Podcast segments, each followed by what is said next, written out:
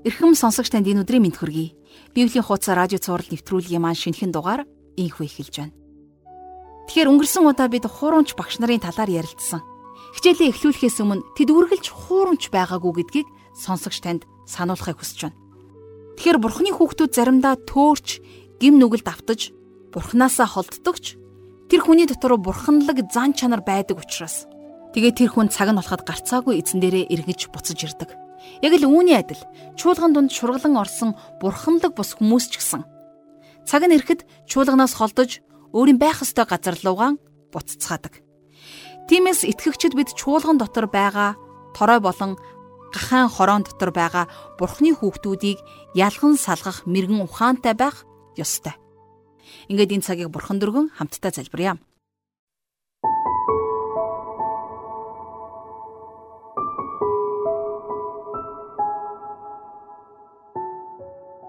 Бурхан эзэн минь таньдаа талархаж байна. Өдөр бүр таны үгийг судалж, таныг улам илүү таньж мэдхийг хүсэж байна. Бид сүм чуулган дотроо байгаа итгэгчдийн дүр эсгсэн. Тэр үл итгэгчдийг ялхан таних мэрэгэн ухаантай хүмүүс байхад та үгээрээ дамжуулан биднийг сурган шинчлээч. Эзэн минь сүм чуулганаасаа холдсон ч гэсэн Бурхны хүүхэд хിവэр байгаа. Итгэлийн ахан дүүсээ хайр дотор хүлээн авч тэдний төлөө цуцшгүй залбирч үйлчлэхэд та бидэнд мэрэгэн ухааныг үйлчлэлийн тэр гар хөлийг өгөөч гэж гуйж байна. Ариун сүнсээ хичээлийн энэ цагийг бид таньда даатгаж байна. Эзэн Есүсийн нэрээр бүхнээ өргөн залбирч байна. Амен. Ингээд хамтдаа жаргалах шийчээлд анхаарлаа хандуулъя. За хамтдаа энэ цагт Петрийн 2 дугаар загтлын 2 дугаар бүлгийн төгсгөлийн хэсгийг үздэцгээе.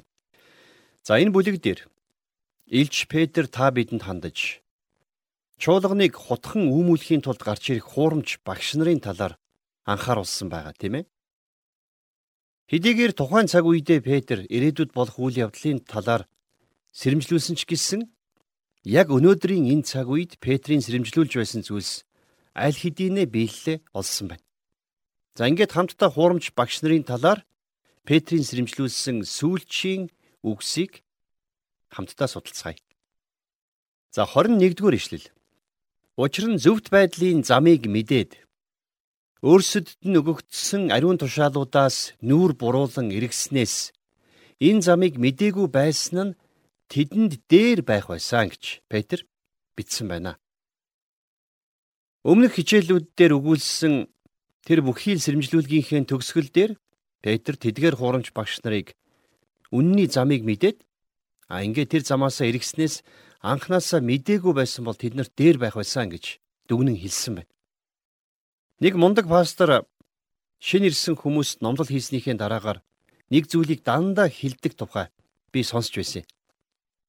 Тэр пастор номлолын сонссон шинээр ирсэн хүмүүст хандаж найзуудаа та нар хэрвээ энэ цуглаанд ирэхдээ итгэгч биш ирээд а эндээс явхдаа итгэгч биш хിവэрэ гарч явах юм бол би таны хамгийн том дайсан болж хувирна гэсэн үг. Яагад гэвэл та хожим нь бурхны өмнө очиод шүүгдэх үедээ би сайн мэдээ огт сонсож байгаагүй гэж хэлэх шалтгагүй болсон гэсэн үг.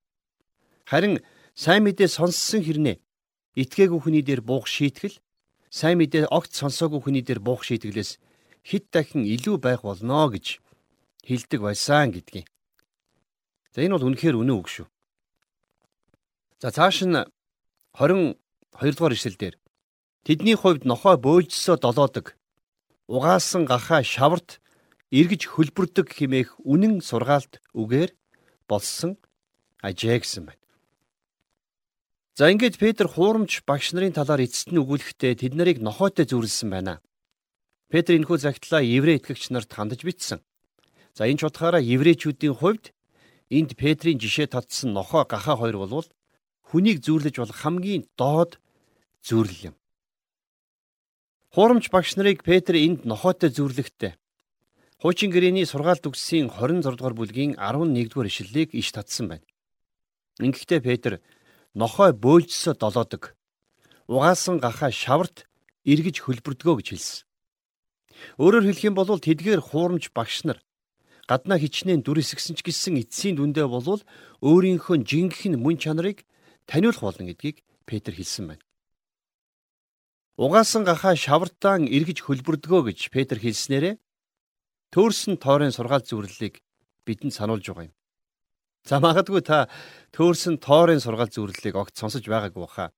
Мэдээж энэ сургаал зүрлэлийг Лукийн 15 дугаар бүлэг дээр гардаг эзэн Есүсийн ярьсан төөрсөн хүүгийн сургаал зүрлэлээс сэтгэлэн зохиосон байна. За үнэн дээр бол төөрсөн хүүгийн сургаалт зүрл болвол гим нүгэлтэн хүн бурхны хүүхэд болж байгаа түүх биш юм аа. Харин жисрэгээрээ бурхны хүүхэд гим нүгэлтэн болон халтарч байгаа тухай өгүүлсэн түүх шүү дээ. За Лук номын 15 дугаар бүлэг дээр гардаг энэ түүхийг та санаж байгаа баха. Хоёр хүүтэй нэгэн эцэг амьдран суудаг байсан. А гэтэл хоёр хүүгийнх нь нэг нь буюу отгон нь алс холын нутаг руу явхаар шийдсэн. Хүмүүс биднэрт өөрт байгаа зүйлс сонирн биш. Харин бусдад байгаа зүйлс л гоё сайхан харагдаад байдаг шүү дээ. За яг тэрэн шиг тэр хүүд ч гэсэн бас алс холын нутагт байгаа юм бүхэн гоё сайхан юм шиг санагдаж байсан. Айлын хоол амттай гэж бид нар ярьдаг тийм ээ. За яг энэ шиг тэр хүүд алс холын нутагт байгаа бүхэн амттай сайхан санагдсан байна. А ингээд хүү ааваас өвлөж авах ёстой байсан эд хөрөнгөө за эцгийнхээ тал хөрөнгийг салгаж аваад алс холын нутаг руу зорьсон байна.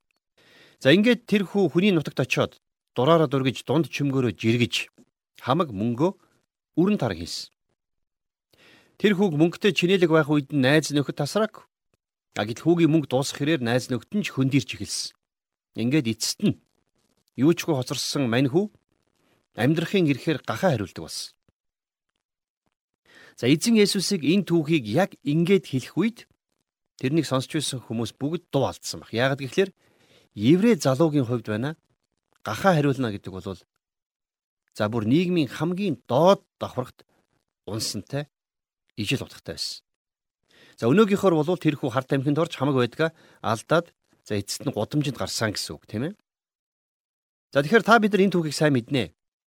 А гэхдээ бид нар энэ түүхийг сонсохдоо энэ түүх чухам юуны талаар бидэнд зааж байгаа юм бэ гэдгийг ойлгох хэрэгтэй байдаг. За энэ түүх бол гим нүгэлтэн хүн хэрхэн аврагдах тухай өгүүлсэн түүх бишээ. Харин гим нүгэлтнийг авраа зогсохгүй. Гим нүгэлтэд хутгалтсан хүүгээч хайрлан хүлээж авдаг бурхан эцгийн зөргсдөглийг өгүүлсэн түүх юм шүү. За би энэ түүхийг ярих энэ түүхээс сэдвлэн бусдад номлол хийх дуртай. Зарим хүмүүс надаас Тэр хүү гахаан хорон дотроо нас урсан байсан бол яах байсан бэ гэж асуудгийн. За тэр тохиолдолд бол би нэг л зүйлийг баттай хэлж чадна. Тэр хүүг л лав үгсэн гахаа гэж нэрлэхгүй. Яагад гэвэл тэр гахаа биш хүн шүүт. Тэр хүү гэрээсээ явхдаа ч аавын хүү байсан. Алс холын нутагт байхдаа ч аавын хүү л байсан. Гахаан хорон дотор хутгалдан байхдаа ч тэр аавын хүү хэвээрээ байсан. Чухамдаа тийм учраас тэр хүү эцэстээ ямар ч гахаан тоорой хэлэхээргүй нэг үгийг хэлсэн байна. За Лук номын 15 дугаар бүлгийн 17-оос 18 дугаар ишлэлийг харах юм бол байна. Эцгийн минь хөлсөлсөн хүмүүсийн хичнээн ч талхаар элбэг дилбэг байдаг билээд. Гэтэл би энд турж өгөх нь би босоод эцэгтэй очиё гэж тэр хүү хэлсэн юм аа. За ингэж хэлэх гахаан тоорой үнэндээ нэгч байхгүй. За ингээд хүү босоод эргэж ирэхэд нь эцэг нь тэрнийг яаж хүлээж авсан гэж. За Мосегийн хуулийн дагуу бол байна шүү дээ. Тэр хүүг чулуудаж алах ёстой байсан. А гэхдээ эцэг нь тэр хүү рүү чулуу шидээг. Харин ч тэр хүү гэртээ эргэж ирээд аава. Би Тэнгэрийн эсрэг бас таны эсрэг нүгэл үлдлээ гэж гимшин хэлсэн байна. А гэтэл эцэг нь тэрний яриаг дуустал нь ч сонссоогүй. Магадгүй тэр эцэг зарцнартаа бушуухан яваад миний суран бүсийг аваад ир. Би энэ өөдгөө хүүхдийн турсхийг нь хуулаад өгье. Эцгийнхээ нэрийг гутаасан энэ муу амтныг дахиж ингэхгүй болтол нь сургаад өгье гэж хэлэх байхаа гэж та бодож байж болох юм. А гэтэл эсэргээрээ эцэг нь тэрнийг баярлан угтаж за бүр найр хурим хийлгсэн. Тэр хүү үнэндээ хийсэн буруу хэргийнхээ төлөө алс холын нутагт байхдаа хангалттай саваад болсон байсан. Үнэндээ яг энэ шиг гэрээ орхиж яван төөрсөн хүү бүрийг амьдрал хангалттай саваадаж өгдөг. Харин тэднийг эргээд эцгийнхээ гэрт ирэхэд үргэлж найр хурим угтдаг. Үнэн дээр бурхны хүүхэд болсон та бидний хувьд бурхан эцгийн маань гэрээс илүү сайхан газар гэж байхгүй шүү. За харин сонирхолтой нь Петр 22 дугаар ишлэл дээр угаасан гахаа шаварт эргэж хөлбөрдгөө гэж хэлсэн байна, тийм ээ. За тэгэхээр эндээс сэтвлээд байна шүү дээ. Бид нар төөрсөн хүүгийн сургаал зөвлөл дээр нэг ийм багахан өөрчлөлтийг оруулж болох юм аа. Хүү эцгийнхээ гэрлөө явах гэж байгааг сонсоод нэгэн бяцхан тойроо ингэж хэлжээ. Чи энэ сайхан гахаан хорог шавар шалбаагтай хамт орхиод эцгийнхээ гэрлөө явах гэж байгаа юм уу? Тэр чи үнэхээр тийм сайхан газар юм уу? Хэрвээ тийм бол би чамтай хамт явъя гэж хэлсэн. За хүүч гахаан тооронд манай эцгийн гэр үнэхээр сайхан газар байгаа. Чамайг очингууд усанд оруулж угааж цэвэрлэнэ. Тэнд бүх зүйл үнэхээр сайхан болно гэж хэлж гинэ. За ингээд хүү гахаан тоороо хоёр хамт явсан байна. Тэр хоёрыг хүүгийн гэрт ирэхэд эцэг нь баярлан угтаж хүүдээ шинэ хувцас авчруулсан. Ингэхдээ мэдээж зарцнаар нь тэр хүүг усанд оруулж үнэр танарыг нь арилгасан л байж таар. За ингээд нөгөө тоорооч гисэн бас хүүтэй хамт усанд орж угаалгаж цэвэрхэн болсон. Зарцнаар нь нөгөө тоороог сайтар цэвэрлээд сайн чанарын оогоор шүдийг угааж хүзүүнд нь цэнкэр хөрхөөн тууз зүүж өгсөн. Ингээд нөгөө тоороо цэв цэвэрхэн тоороо болжээ. А гítэл хэд хоногийн дараа нөгөө тоороо хүүдэр уруу царайлж хурч ирээд найзаа энэ газар чи надад таалагдахгүй байна гэж хэлсэн. Нөгөө хүү гайхаж яасан бэ? Энэ сайхан л байна шүү дээ. Надад л үнэхээр сайхан байна. Чамд яагаад таалагдахгүй байгаа юм бэ гэж асуусан байна. Тэгсэн нөгөө тоорой би энэ дөрвөлжин орон дээр цагаан даван дотор унтаж чадахгүй юм байна. Бас заавал нойлын өрөөнд орж би зас сурахгүй юм байна. Би шавартай хороо руугаа буцмаар байна. Тэнд би хүссэн газараа би засаж хүссэн газараа унтдгаа гэж хариулж байна. Нөгөө хүү гайхаж Гэхдээ манай энд хүссэн газараа би засч болохгүй шүү дээ гэж хэлж гин. Тэгсэн нөгөө тоороо тэгээд ч би ширээний ард сууж хоол идэж чадахгүй юм байна. Халбах сэрээ барьж идэх чинь ядаргаатай юм байна. Бүх хоолоо газар асгачгаад шалан дээрээсээ долоогоод идчих болдгүй мө гэж бухимдангуй хэлсэн гин. Тэгээд тэр тоороо би боллоо. Харилаа. Хороондоо эцэгтэй очиё гэж хэлсэн. Ингээд тэр тоороо замаар ороод гэрлүүгөө гүйсэн. Явсаар явсаар гахаан хороондоо иртэл эцэг нь гахаан хороондонд хамгийн том шавхаан дээр лаглайт хөвдөж байна гин. Тоорож баярлан эцэг рүүгээ гүйж чод аава. Би эргэж ирсэндээ маш их баяртай байна гэж хэлээд шавар шавхаа руу үсрэн орсон байна. Яагаад ийм зүйл болсныг та мэдхүү? Яагаад гэвэл тэр чинь хүү биш тоорой шүү дээ. Өнөөдөр сүм чуулган дотор яг л ийм дүр зураг ажиглагддаг юм аа. Сүм чуулган донд цэмбидэл гоёжгсон сууж байгаа гахаан тооройг бид яагаад ч ялгах боломжгүй. Гэтэл нөгөө талд гахаан хорон дотор гахаан тоороноос ялгархгүй болчихсон итгэгчдийг бид нар мөн л тийм ч амархан ялгаж салгаж чадахгүй. А гэхдээ би нэг зүйлийг мэднэ. Замын нэг төгсгөлд Бурхан эцгийн гэр харин нөгөө төгсгөлд бол гахаан хороо байгаа гэж үзэх юм бол гахаан хорооноос гараад эцгийнхээ гэрлүү явж байгаа төөрсөн хүүтэй бид нар заавал таарлдана. Бурханд итгэж авралыг авч Бурхны жинхэнэ хүүхэд болсон ч гэсэн алс холын нутаг сайхан харагдаад тэгээд Бурхан эцгийнхээ гэрийг орхиод явсан олон хүүхдүүд байгаа. Цаг нь болоход тэд нэр Бурхан эцгийнхээ гэрлүү буцаж ирнэ. Яагад гэвэл тэд нэр гахаан тоороо биш харин Бурхны хүүхдүүд. Ингиж ирж яваа хүүхдүүдийг харин бид нар таньж хүлээж авах хэрэгтэй. А гэхдээ харамсалтай нь нөгөө талд эцгийнхээ гэрийг орхиж гахаан хороо руу явж байгаа олон хүүхдүүд бас бий. Хамгийн бодлиантай нь юу гэхээр заримдаа гахаан тоороонууд цэмбидлээ гойчхоод бурхны хүүхэд болоод хүрээд ирдэг. Гэхдээ нэг зүйлийг бид нэр санах хэрэгтэй. Хичнээн гойсон ч тэр бол гахаан тоорой. Түүнд бурхан эцгийн гэр таалагдахгүй. Тэр хэдийгээр өөрийгөө угааж цэвэрлээд гаднаа маш шашинлаг дүр эсгсэн ч ялгаагүй. Бүр заримдаа тэд нар бүр чуулганы ахлагч пастор болтлоо дэвшчихсэн явж байх ч тохиолдол бий. Тийм учраас бид нар тэднийг бол гаднаас нь хараад танихгүй. А гэхдээ тэрний зүрх сэтгэл нь хിവэрэ байгаа. Гахаа бол гахаа. Гахаа шавар шалбагтаал дуртай байдаг. Заримдаа хүмүүс ийм асуултыг тавьдаг л да. Манай цуглааны тим тим хүн мундаг ахлагч, мундаг үйлчлэгч байсан.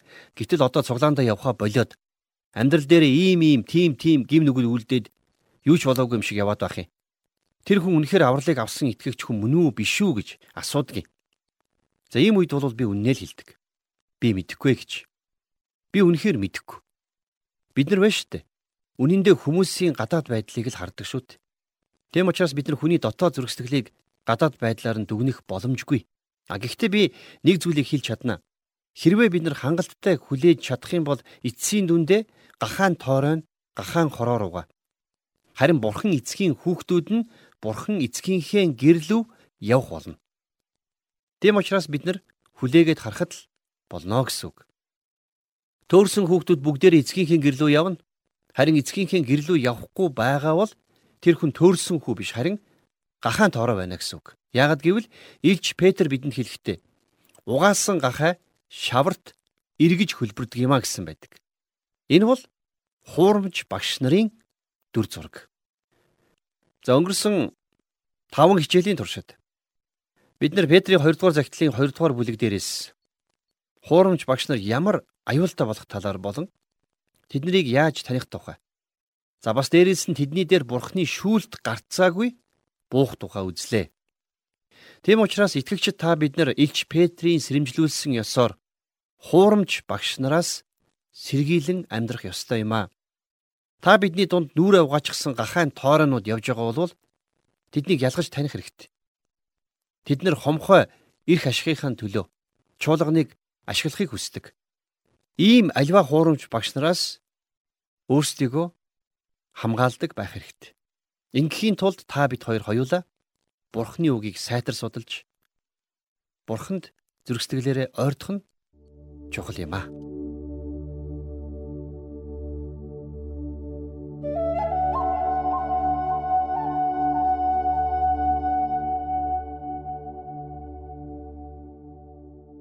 Тэгэхээр хичээл маань өндөрлөхөд цөөн хитэн хором үлдээд байна. Бид хамтдаа 2 дугаар Петр номынхон 2 дугаар бүлгийн 21 22 дугаар ишлэлийг уншиж судалсан. Тэгэхээр бидний хувьд бурхны талаар огт мэддгүү хүмүүс сайн мэдээ тараахаас гадна хуурамч сургаал давтсан ах дүүсээ эргүүлэн авчрах чухал үүргийг бурхан бидэнд хариуцуулсан. Шинэ гэрээний Яков номын 5 дугаар бүлэгт хэн нэгэн худал сургаалд автсан нөхрөө эргүүлэн авчирвал тоо томшгүй гим нүглийг бурхнаар уучлуулсан гэсэн үг гэж бичсэн байдаг. Тэгэхээр бид сайн мэдээний төлөө явж явах үед маш олон хүнийг дундаасаа худал хуурмаг сургаалд алдсаар байдаг. Мэдсээр ээж худал сургаалд явж байгаа хэсэг байхад мэдлгүүгээр худал сургаалын нэгэн хэсэг болон далимдуулан хин нэгний хуурамч тэр мэхлэлтэнд автан худал сургаал дагдаг хүмүүс ч гэсэн байдаг. Тэгэхээр юун түрүүнд бид хамтдаа залбирч үнэн зөв сургаалыг илүү гүн гүнзгий судалж заадаг байх хэрэгтэй. Энэхүү үгээр өнөөдрийн хичээл маань өндөрлөж байна. Хамтдаа эзэн дотор өөрсдөө залбирал зориулан хэсэг хормыг гаргацгаая. Ингэхдээ ялангуяа таны сүм чуулганаас таны эргэн тойрноос худал хуурмаг сургаалыг дагаад явсан итгэлийн ахан дүүс байгаа бол та нэрийн дурдаад эзний өмнө түүний авралын нэгүсэлт мутарт тэдгээр ах дүүсээ өргөж залбирая.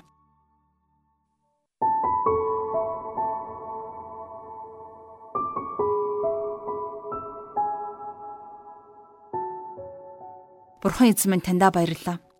Үнэхээр та биднийг өөрийнхөө үгээр дахин төрүүлж, өөрийн хөвгүүд охид болгон үрчлэн авсан. Эзэн минь бидэнд өгөгдөж байгаа 2 дугаар Петр номын төлөө энэхүү иш үзүүлэг зүнгийн үгс сануулга синхруулгийн төлөө таньдаа талархаж байна. Эзэн бурхан минь бид онцгойлон энэ цаг мөчид итгэлээс зүхтаж дайчсан ч бай.